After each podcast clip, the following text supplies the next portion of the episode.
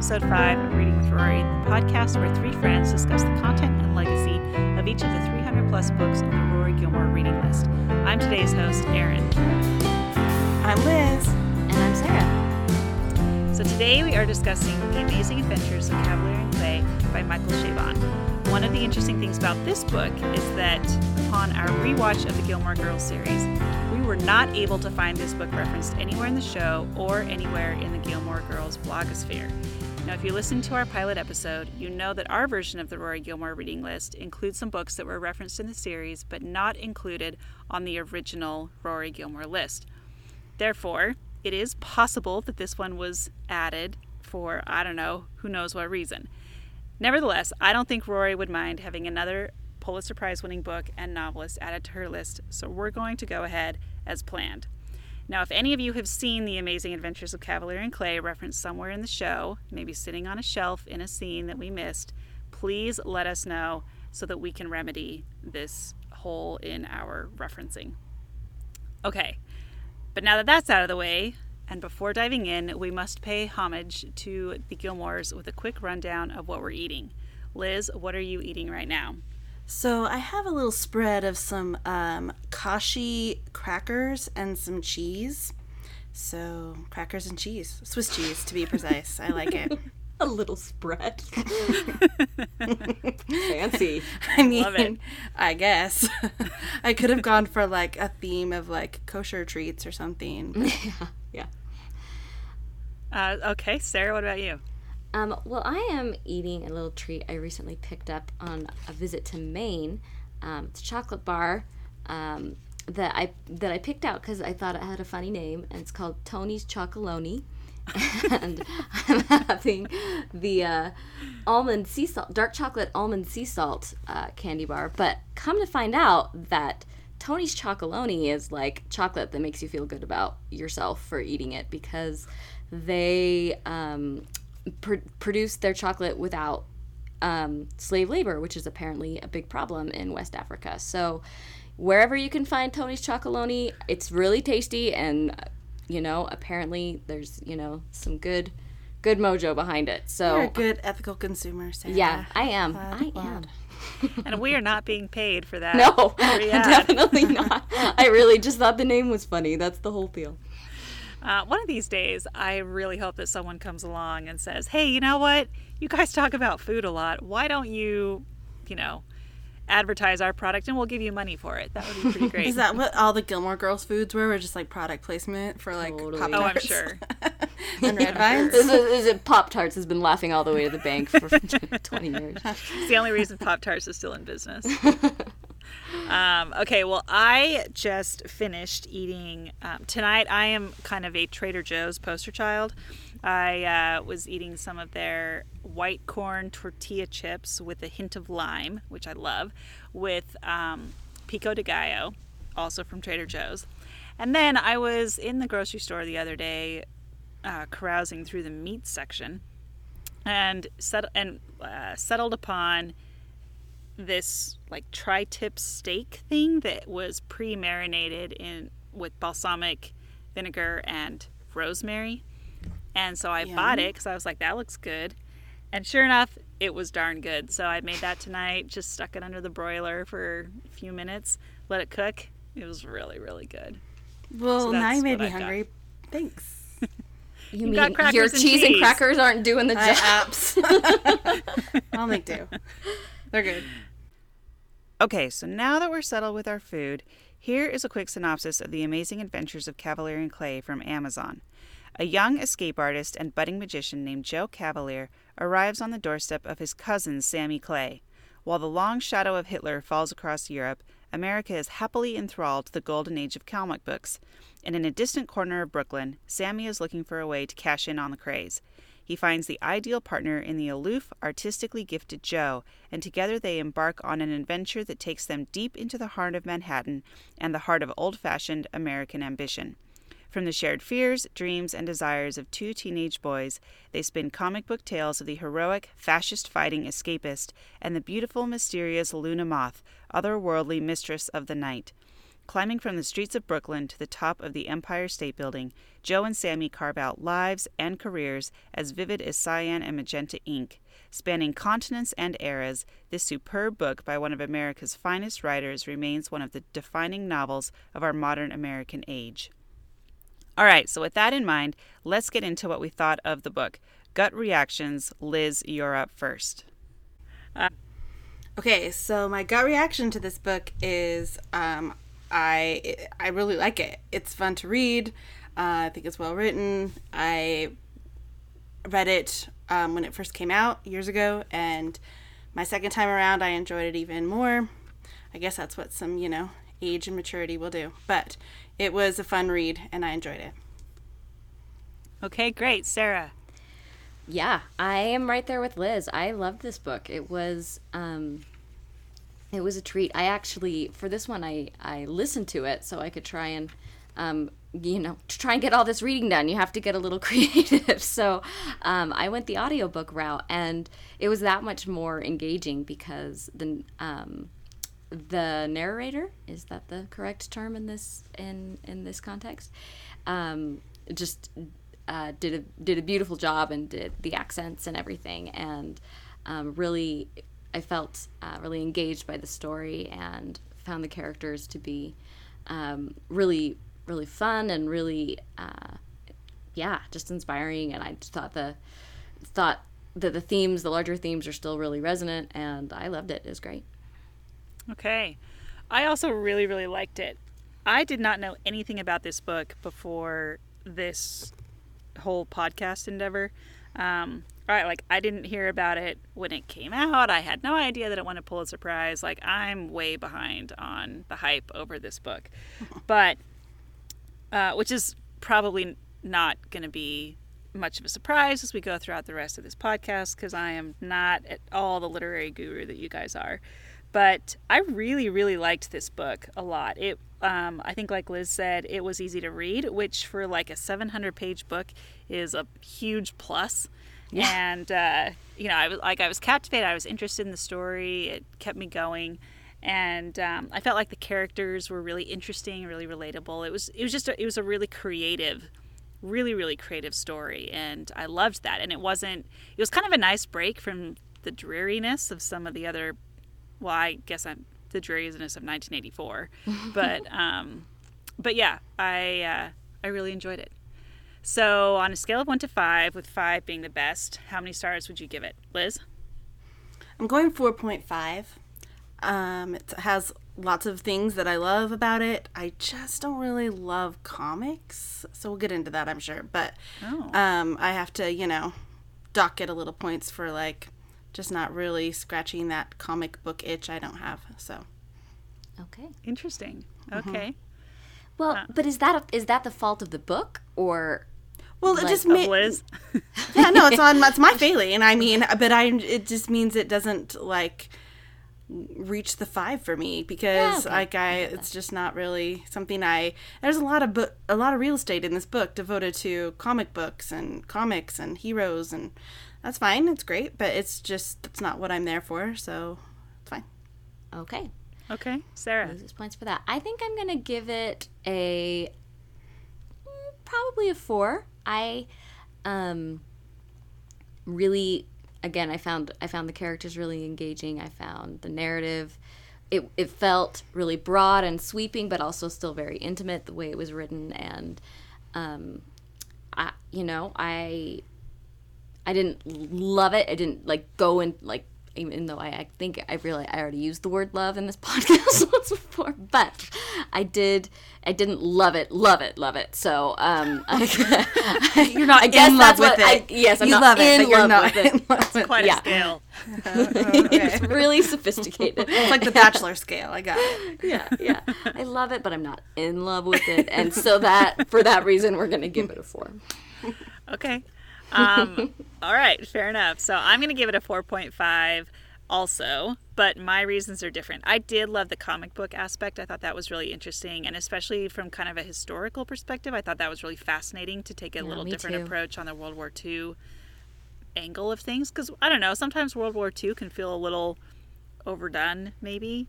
Um, I mean, it's a really interesting time, but there's a lot. There are a lot of books written about Wo- World War II, right? And I thought the comic book angle was really, really interesting. And like you said, Liz, you know, we'll get into this later. But so that was fine for me. I think what kept it from a five for me was there were some elements to it where I was like, that doesn't make sense, or you know, plot hole, or I, I don't know, just things that like didn't really seem to tie out very well for me. Maybe that was my own ignorance leading to that, but for for that reason, I was not hundred percent satisfied when I finished reading the book. So I give it a four point five.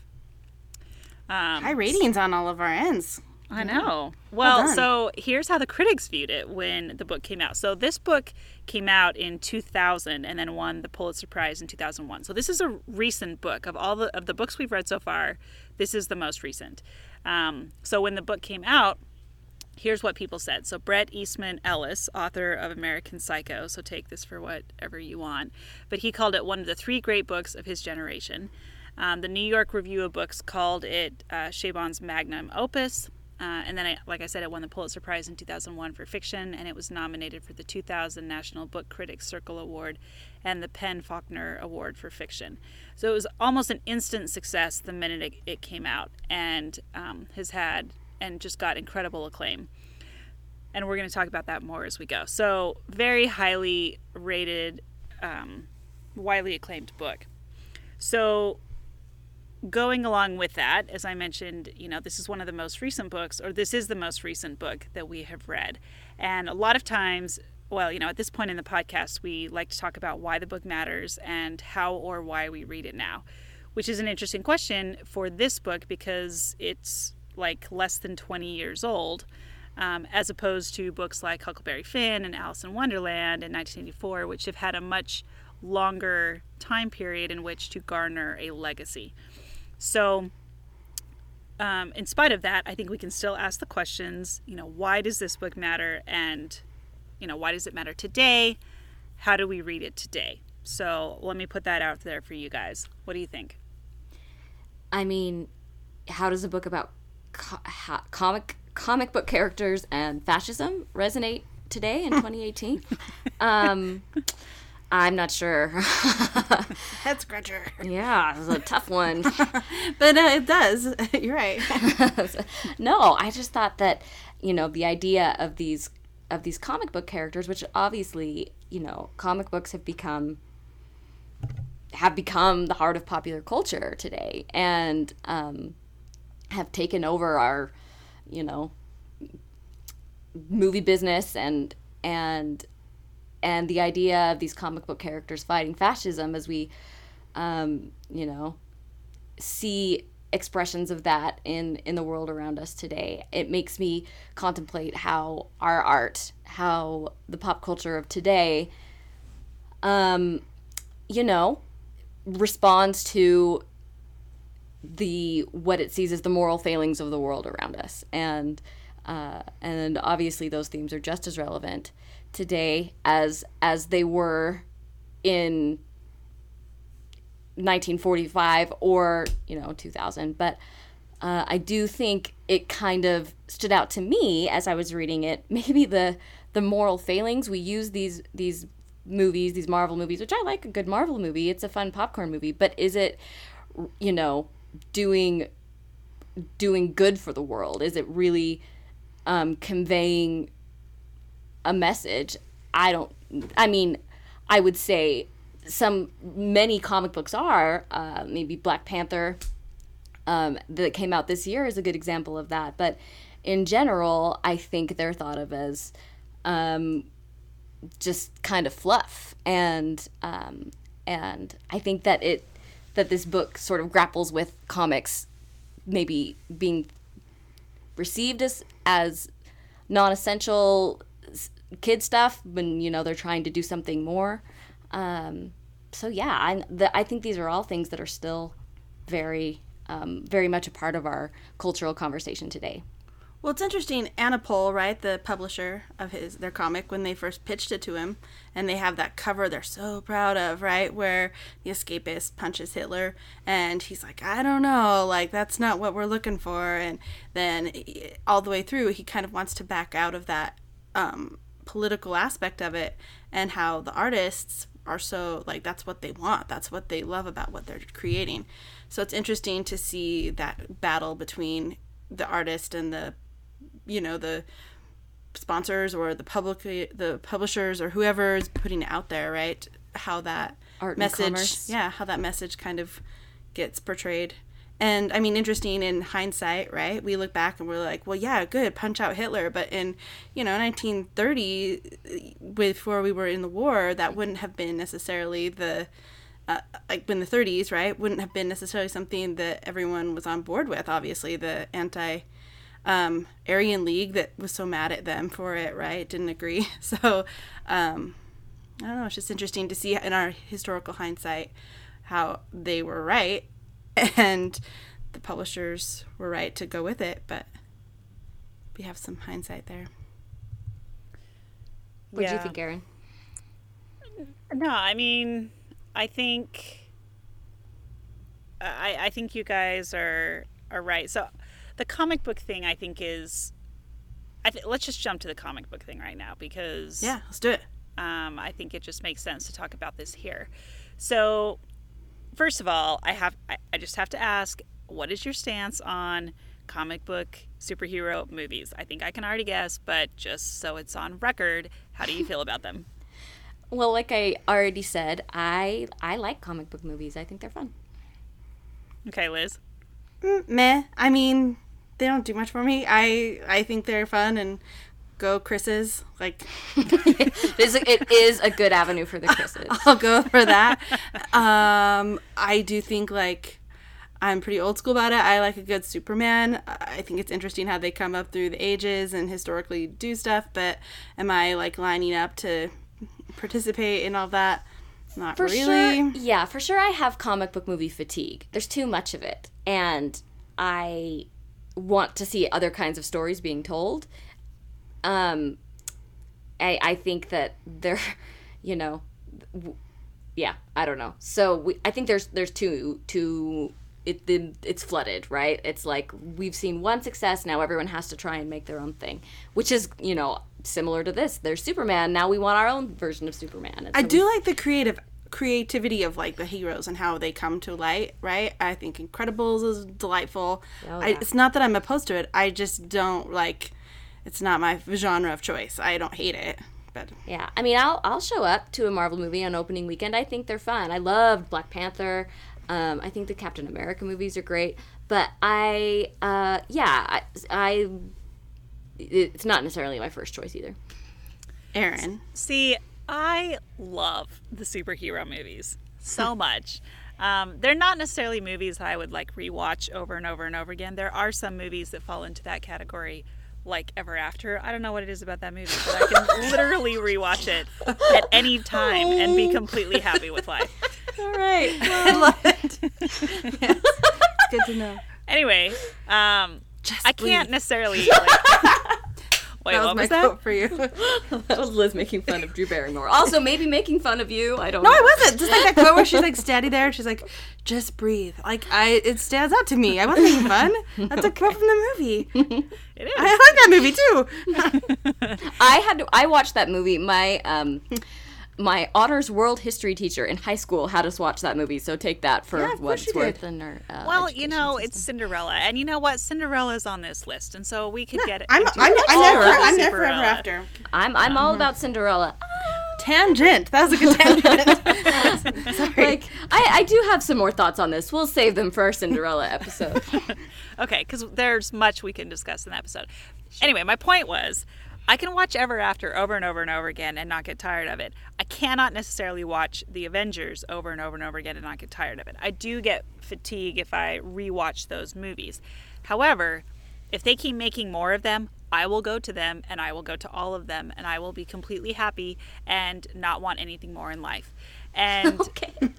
I like, but I think this is. I think the you know the reason I ask is because this brings up just such a such an interesting aspect of the superhero genre, which I think um, you know Michael Chabon does a great job of capturing in this book.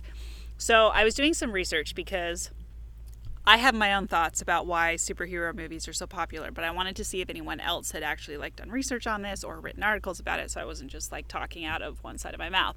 And I did find some articles about this, um, which is not surprising because these movies are so huge that somebody would write about them.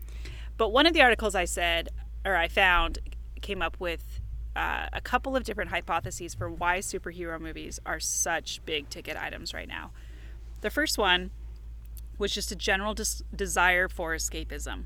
And I think this is a lot of the reason that I like them. I have another theory that I'll add to, to the end of this that's my own. But this just general desire for escapism. Um, and they tied it to the 2008 recession. And they said that this desire for escapism into a different world where the hero always triumphs and there's and the distinctions between good and bad are easy to distinguish. That really kicked off and rose when the recession hit, which makes sense. Um, they also said that a similar spike for superheroes occurred during the Great Depression, which is the era in which Cavalier and Clay is set. And if you think about it, like the rise of the superhero, the you know the comic books that they're talking about in this, it's all kind of tied to that World War II, Great Depression era. And so this is just general desire for a better world for something that is not the world that you're dealing with and where you can just kind of escape your current problems and go somewhere where things work out the way you actually want them to. Um, I think that's really appealing to a lot of people who are struggling in other aspects of their life. And anyway, so there's that angle of it. Second hypothesis for why these movies are so big right now are is because of the older age of the audience. So Gen Xers and older millennials who grew up on a lot of these stories now have money to spend on them and they like the nostalgia. They like seeing their favorite action heroes on the silver screen and they can pay for it. Um, which is a lot less interesting than the first hypothesis.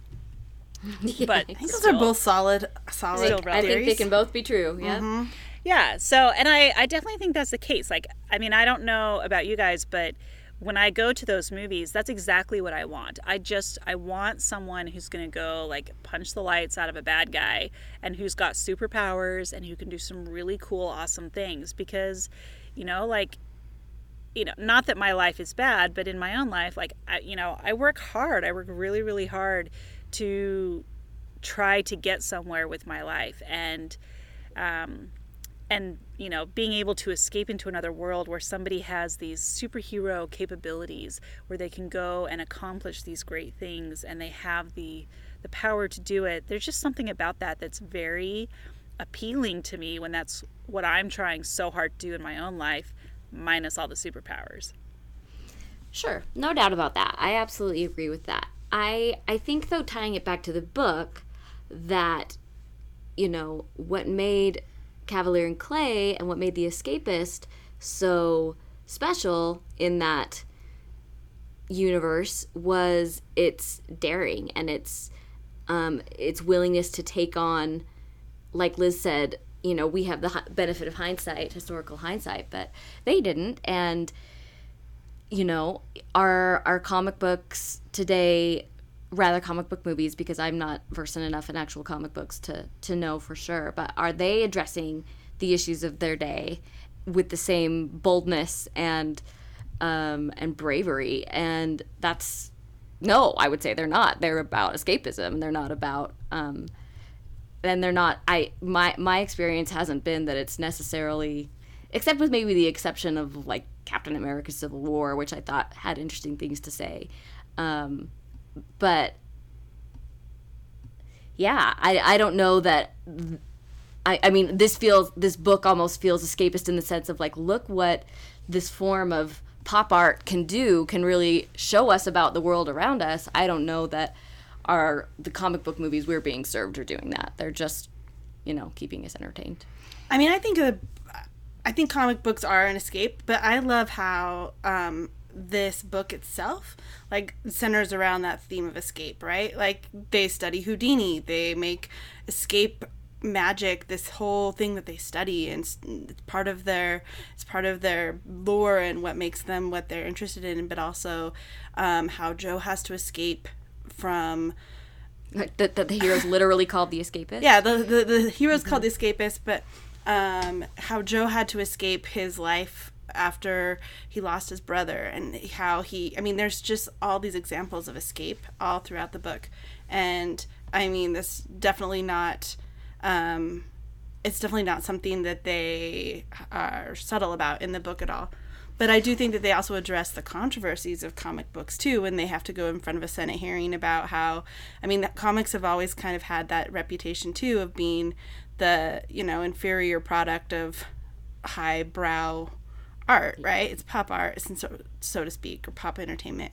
And I don't think that's necessarily always true. There's always some sort of substance in what they're doing. And people like their fans certainly Sure. line up behind him full force. I mean, the fan world of comics is Well, a little overwhelming to me too. yeah mm-hmm. and not and not something i've ever really engaged with so I, I can't speak to that. But what i think is the question that i loved probably my favorite takeaway from this book is how they approached it right? With the what is the why? Why are our characters doing this? It's not just for the you know like we want to see some cool heroes punch some bad guys. Like they really wanted to explore like the motivations of it. And i love that whole conversation and and and sammy explaining to joe you know the difference and how batman you know like his his backstory and and and what motivated him and and and the thought that that went into the the what is the why. And i feel like that's a question we we should be asking as we approach any kind of art whether it's the books that we're going to read going forward in this podcast the, the fiction books you know what are the characters motivations? Why are they doing this? And or in any in any film i think it's gonna i mean no doubt there's just some like some s- yeah some car there's something that's satisfying about just like watching stuff blow up i get that i'm all about that that's fine but but That's why Michael Bay exists. Ugh. okay. Um, so, but I do think that there's more that we can we can gain from our experience with art by asking that question. What is the why? Why are they, you know, doing what they're doing? What's the thought that went behind it? And um, I think that, you know, maybe maybe I'm guilty right now of doing what you know characters in the book were assuming comic books are for kids, comic books are silly, comic books are whatever. This isn't for adults. You know, this isn't to be taken seriously and I think that any piece of popular art should be taken seriously and so there should be real thought put into what is the why. And sometimes I'm just wanting more from that in our modern Well, it was serious for Joe. I mean, his whole Well, exactly, his whole I'm saying. existence. I mean, he came It over. became serious for Joe. It wasn't, an, you know, Yeah. well, the comic books at least. Well, and I think he was also looking to escape, not just like literally escape uh, Prague, but escape and escape, you know, his the the war in Europe. But when he got here, he was lonely. He left his family. He didn't know anything. You know, he was totally at a loss of what to do, and he just spent months, you know, trapped in a coffin with a golem, right? So like, what? Uh, um, his his escape when he was introduced to comic books was almost like, oh, this is like a release of you know pleasure but also he could apply what his experience in life was into his own story and it, it was kind of uh, different than what other people brought to the table and it stood out so yeah an interesting way to approach how how comics were created too and how they were uh, devalued or even exploited so. Well, I think though that, I- mean, I still think that the comic book or the superhero movies of today, while they may or may not have been created initially with the same depth that the escapist was although at the same time though you know like the comic book he or the superhero movies of today were based on comic books many of which were written in this same Yeah. time period Sure. i think Yeah, I that mean, they, they- probably they- were created with depth that's Yeah, Yeah. and you know, I mean, they they reference Stan Lee in the novel, and you know, as as a competitor, and uh, that whole. I think they were created with depth, and I think, I think there's, but I think even though the movies today may be more fluff, I think people still read into it a lot more depth. You know, the people who are like really into those stories, they like, you know, you don't just get into a story that has nothing there Yeah. Sure. Um, That's a really good point. Yeah. And so people, so you're either going to insert your own, you know, emotions or thoughts or whatever meaning into the story, or you're going to be finding some sort of meaning that hits you and may not hit other people. Okay, well, let's talk. Uh, so, was there anything about the book that surprised you? What stood out? What stayed with you? Favorite characters, etc. Uh, my favorite character was Joe. I like Joe. I love the very end. Well, yeah, when he like realizes that this lesson that he learned as a kid from Kornblum, like that you have to have something you love to want to escape.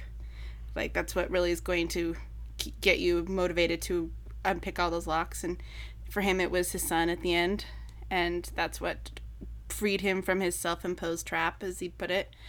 Um, I just like that whole, like I said, I think before, just the whole idea of like what it means to escape. I just loved that whole thread all the way through. And every time they brought it up, I was like, oh, so good.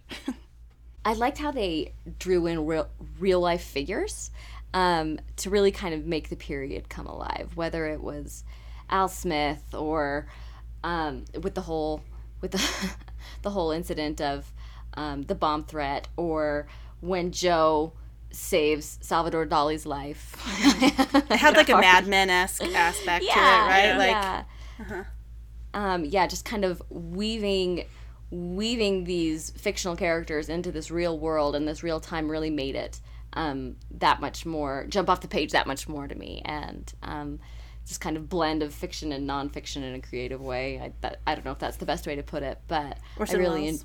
um, yeah, Orson Welles, um, Eleanor Roosevelt. So I think that, um, uh, but particularly, uh, yeah, the Al Smith, uh, the Al Smith tidbit stood out to me for some reason. So I enjoyed that part.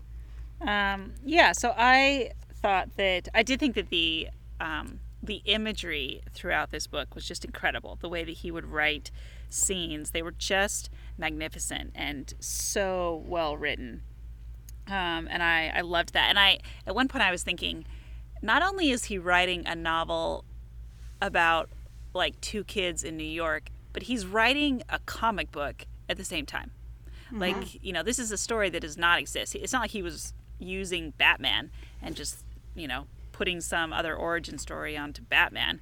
He was creating an entirely new comic strip as he was writing a novel about creating a comic strip. Like, there's, I don't know, the- I kind of blew my mind a little bit. and how he tied in all that um, Jewish lore. And Yeah, I mean, that's the golem. Oh yeah, that that was amazing too. Well, and the magic, you know, and the Houdini esque feats, and you know, Kornblum and how that he'd flash back to that, and and then uh, Joe's family and the dynamics there. Uh, But then Sammy and his mom, and Sammy, we haven't talked about Sammy really at all, and Sammy's dad, and the fact that his dad abandons him twice, really. Sammy and, And- Tracy.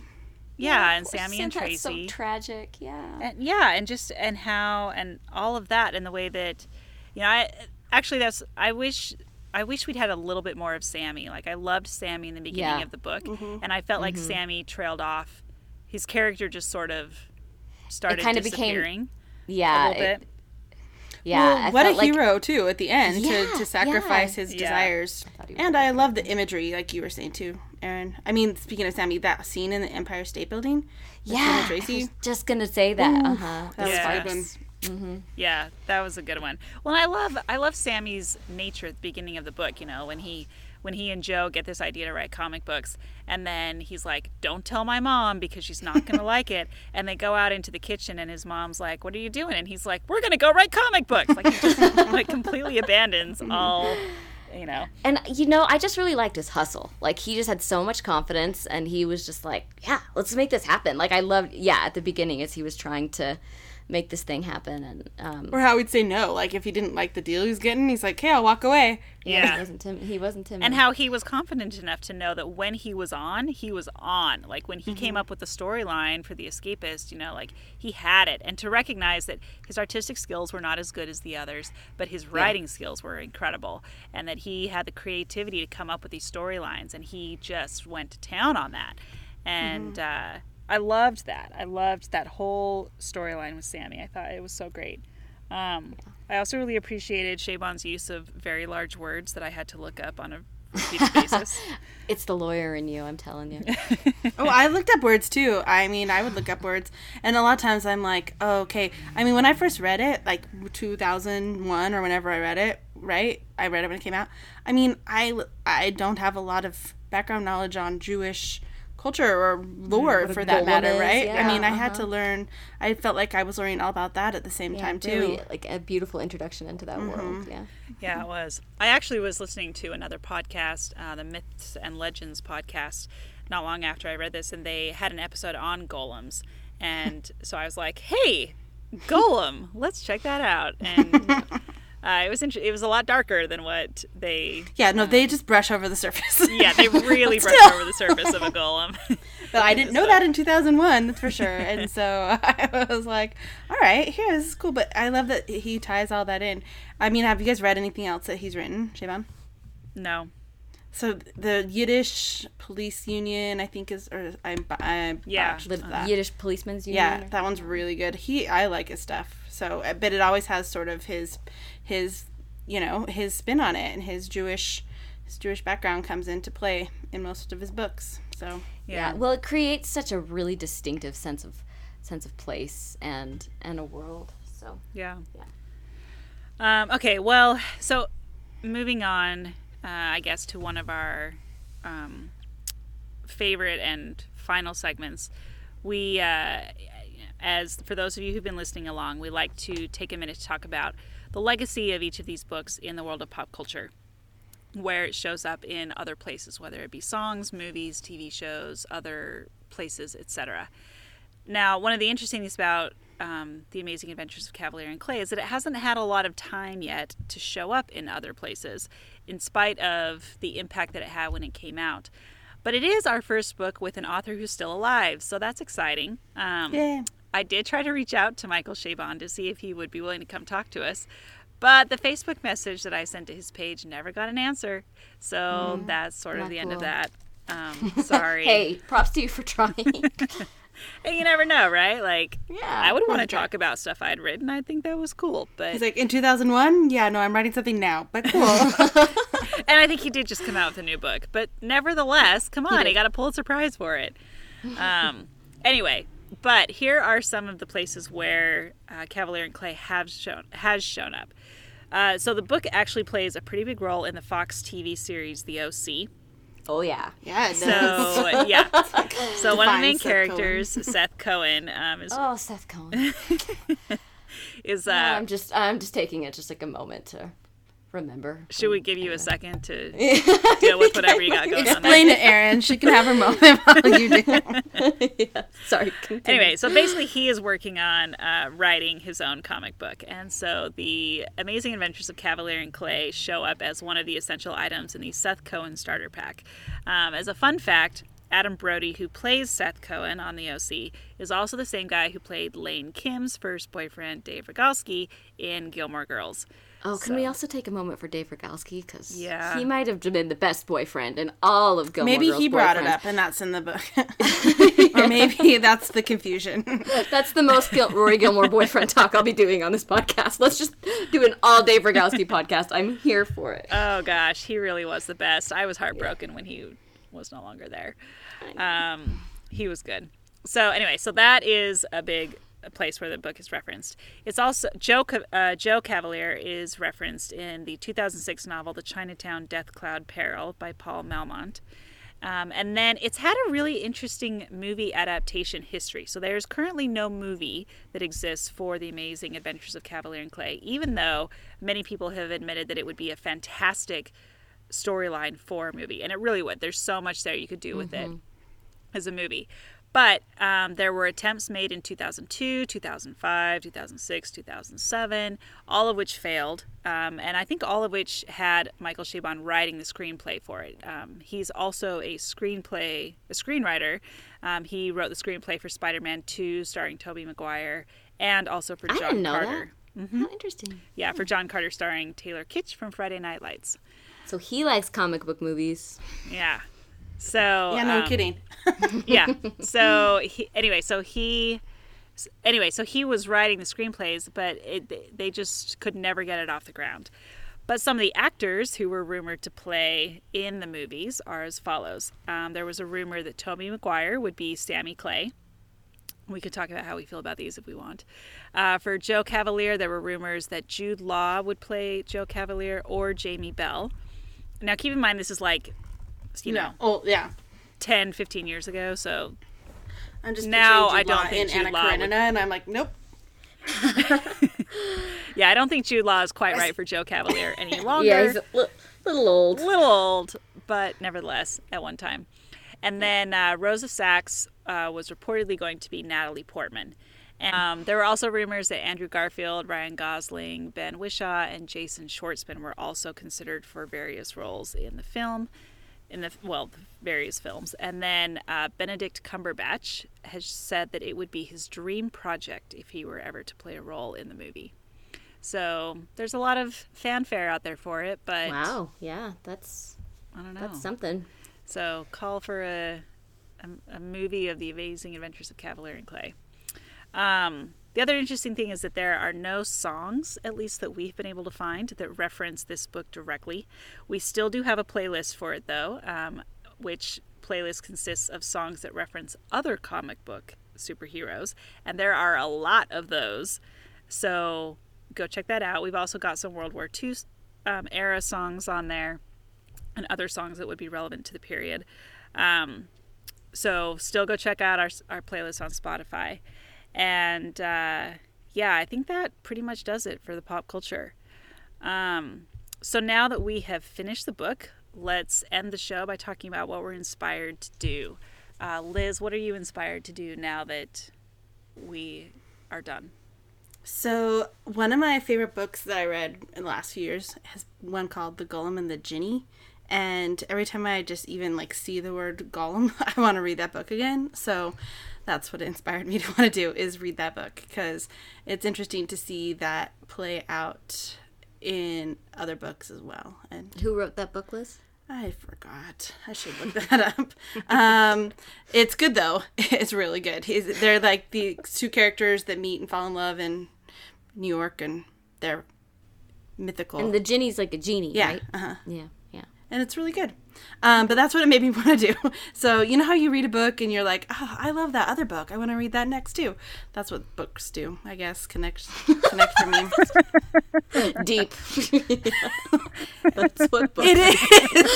it's deep. You think, think about that for a while tonight. I'm gonna be chewing on that one. and go read Golem and the Jinni because it's good. You'll thank me for it. All right, fa- uh, fine. Sarah?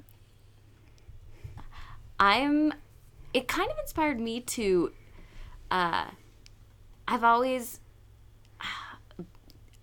I have a bent toward the nonfiction side of things, obviously even in fiction where I'm like, I like the real people.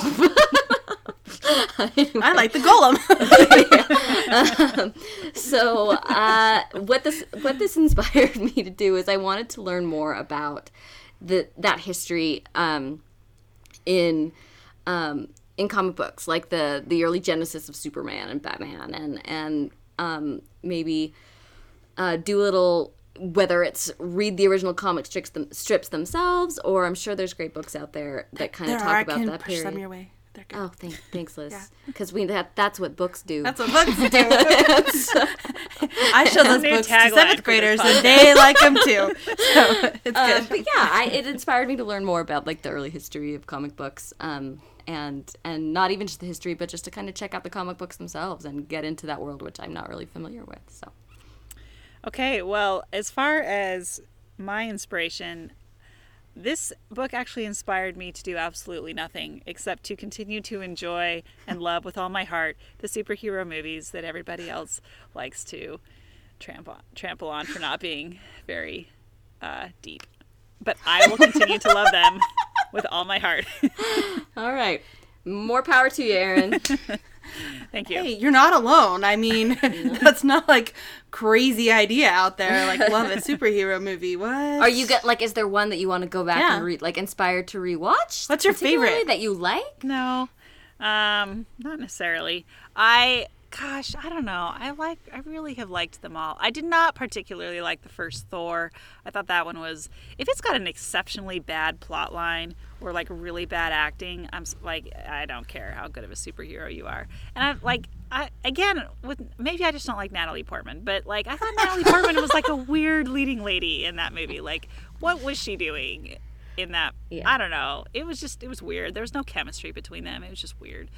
Um, so I didn't particularly like the first Thor. I also didn't love the first Guardians of the Galaxy, but I loved the second one, which is I think. Well, I feel like that's an objectively wrong opinion, but that's okay. Wait a Hold on, minute! You I'm just said I could love them as I wanted. You can. Know, you can. just Sarah's just agreeing. But who really to each their own. your favorite because this is like you know a superhero fanboy girl um debates you know uh, that circulates who's the best superhero or who's the best Chris? I kind of like that debate a little bit better. the best what Chris. Chris. Well, What's who that? are we counting in the in the? oh world of chris's got it got it i'm talking like like superman versus batman versus black panther i mean like people debate this hardcore Yeah. so i mean that could be a whole nother podcast Yeah. but do you have a favorite I'm sure it is. i know it is Um, no, no, I really don't. I like learning all of their stories. I think, I think, I think they're all interesting. I mean, I, I just saw Ant Man and the Wasp, loved it. I thought it was so fun. Like, Yeah. yay for Ant Man and yay for the Wasp. Like, how great, you know? I had like no qualms about either of them. But I also loved Black Panther. I died over Black Panther. I thought it was so great. And So good. Yeah. you know, Wonder Woman was good the first time I saw it. The second time I thought saw it, I thought it was actually kind of boring. But the first time I saw it, it was great. Um, so you know, Captain America I think is fun. I really like Captain America. Iron Man gets on my nerves sometimes, but I like Iron Man too. Who doesn't like Tony Stark? Um, I like Mark. So you Ruffalo like 'em as the all. Hulk. I really do. I like. I'm not kidding when I say that. Like I'm Oh, I get it. completely content watching any of them. I don't know that there's it. one that I really dislike. You really liked Iron Man too? Uh, Iron Man 2 was meant, like, okay. It wasn't great. Um, Yeah. And Iron Man 3 I actually never saw. I haven't seen that one. But, um, so, no, I mean, and like Age of Ultron, like Avengers Age of Ultron, that one was dumb. Um, oh, actually, yeah, there you go. The girl, what's the girl's name that, like, falls in love with Paul Bettany's superhero character? The name of, I can't remember either of their superheroes. It was names. MK and A's little sister. Yeah. hmm Um, I don't Elizabeth love Olsen. her. We're just gonna breeze past the MK and A. That's fine. yeah i'm breezing past that yeah, not going there. But I I don't love her. She's not one of my favorite superheroes. But like, how cool would it be if they made a movie out of like Black Widow's uh, backstory? Like, I love the origin story movies. The or the origin stories, are, I think, are my favorites. The sequels, it depends. Like, well, Thor is an exception to that. Each Thor movie has gotten progressively better, but Thor Ragnarok was great. But I generally love speaking, Thor Ragnarok, but I actually thought the second one was dumb. I thought the second Do one Do you was okay. feel- but the first one was such a up. low bar that the second Oh one my gosh, we have to stop talking. I'm gonna be done. I was gonna be done. I was gonna bring a whole new topic in, but I will not do it. Save it for a whole nother time. Okay, well, what did you think of the amazing adventures of Kavalier and Clay? Tell us. Come find us on social media Twitter, Instagram, and Facebook. Uh, all of our handles are at Reading with Rory, or you can come find us on our website at readingwithrory.com. You can also find us on Spotify at reading underscore with underscore Rory underscore podcast. Um, yeah, so come follow us, find us, etc. Uh, and do you have a pop culture reference that we missed? Is there more about out there about the amazing adventures of Kavalier and Clay that we did not talk about that you wish we would have? Tell us or send us an email, and uh, we may say it on our next show. Next time on Reading with Rory, we're going to be reading An American Tragedy by Theodore Dreiser, and I'm sure we're going to have a lot of opinions about it. So join us as we read along, and we'll catch you next time.